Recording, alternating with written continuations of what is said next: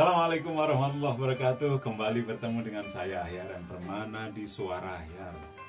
Tentu saja melihat latar yang ada di belakang saya Kali ini masih di cerita buku. Setiap buku punya cerita. Dan ini bagian terakhir dari cerita buku tentang kumpulan cerpen Kiai Budi Harjono Kafilah Cinta. Oke,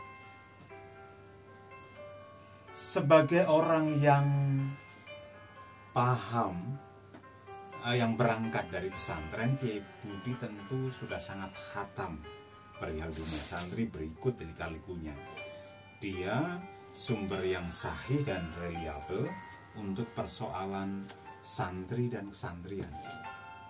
Kiai Budi yang kini mengasuh pesantren Al-Islah di Meteseh Tembalang Kota Semarang dia pernah nyantri di pesantren Salafiyah Al Munawir Kemah Peturungan Kota Semarang. Dia juga dekat dengan banyak kiai, mulai dari Kiai Haji Mustafa Bisri di pesantren Rawatul Talibin Leteh Rempang, kemudian Kiai Haji Munif Muhammad Zuhri atau ini di Kusuma Meranggen Demak hingga Habib Lutfi di Pekalongan.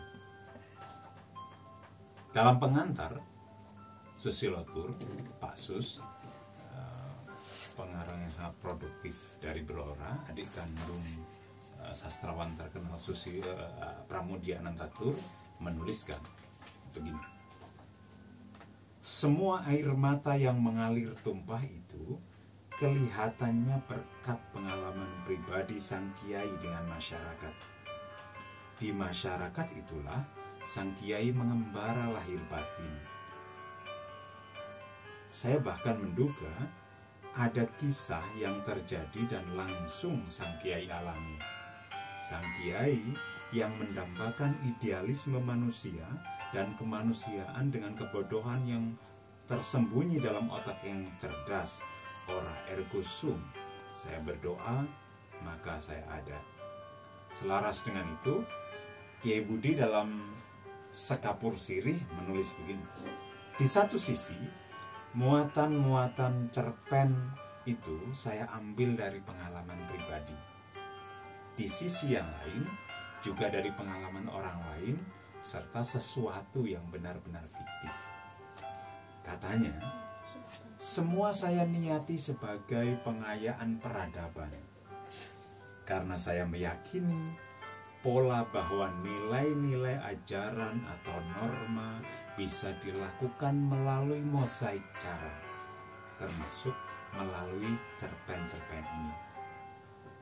Tindakan ini, menulis cerpen, merupakan bagian dari hasrat saya mencercap cara Tuhan menyampaikan nilai-nilai melalui berbagai kisah yang tertuang dalam kitab Kauliah tertulis juga sebagai cara saya mencercap kitab kaunia yang berwujud peristiwa-peristiwa yang bergulir pada siang malam dan mengenai siapa saja.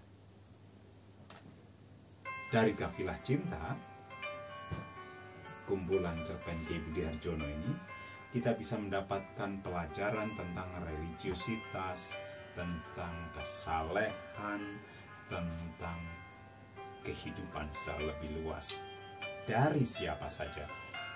Bukan hanya dari kiai pengasuh pesantren atau mubalik yang sering warawiri di layar televisi melainkan juga dari Mbah Tumina, Kang Wahid, Bengong, Mbah Saleh, Riyadi, Mbah Semila, Kang Nyono, Mbah Saripah, Mbah Kabul, Pak Trubus, Mbah Pusemi, Kang Bagus, Kang Putu, juga Fulan dan Fulana. Nah perihal kisah-kisah yang bertolak dari kalangan santri, lebih-lebih pesantren, kafilah cinta ini tentu bukan yang pertama. Gus Yahya, Kiai Haji Yahya Khalil Stakuf, pengasuh pondok pesantren Rotul Tolibin Leteh Rembang telah menulis jumlah kisah yang termuat dalam The Terong Kosong Ketawa secara serius pada 2011 juga sequelnya Terong Gosong Reloaded 2016. Keduanya keluaran Mata Air Publishing. Bedanya, serial Terong Kosong mengupas seputar santri, kiai, dan canda tawa kesehariannya. Novel Hati Suhita, karya Khilma Anis, juga berangkat dari dunia pesantren. Novel itu mengisahkan kisah perjuangan seorang Suhita, Rengganis, dan Gus Biru yang membuat emosi pembaca teraduk-aduk. Novel terbitan Mazaya Media 2019 ini merupakan novel bestseller dengan angka penjualan mencapai 50.000 eksemplar hanya dalam waktu dua setengah bulan.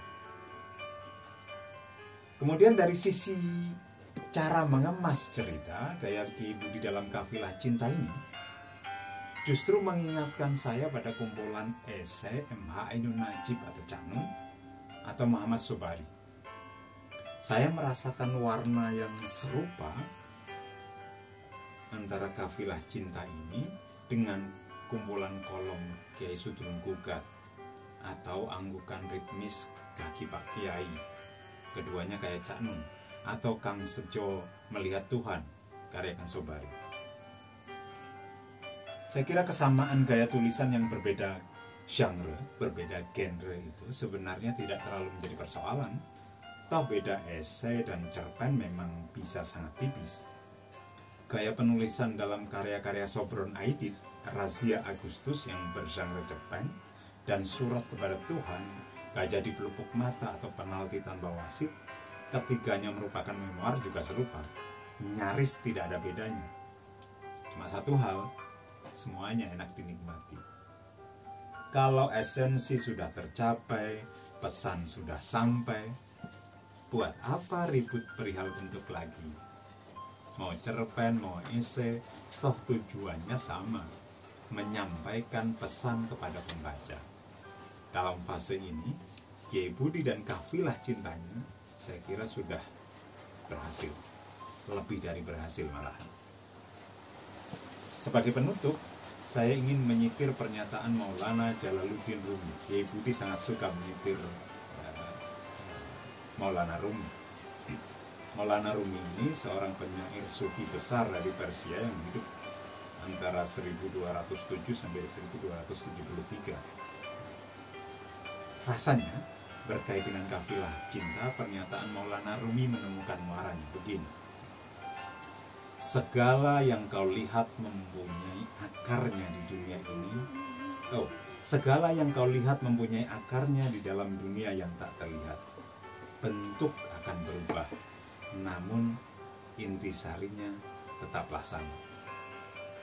Rangga Terima kasih Assalamualaikum warahmatullahi wabarakatuh. Saya Ahyar yang bermana. Yuk berbagi cahaya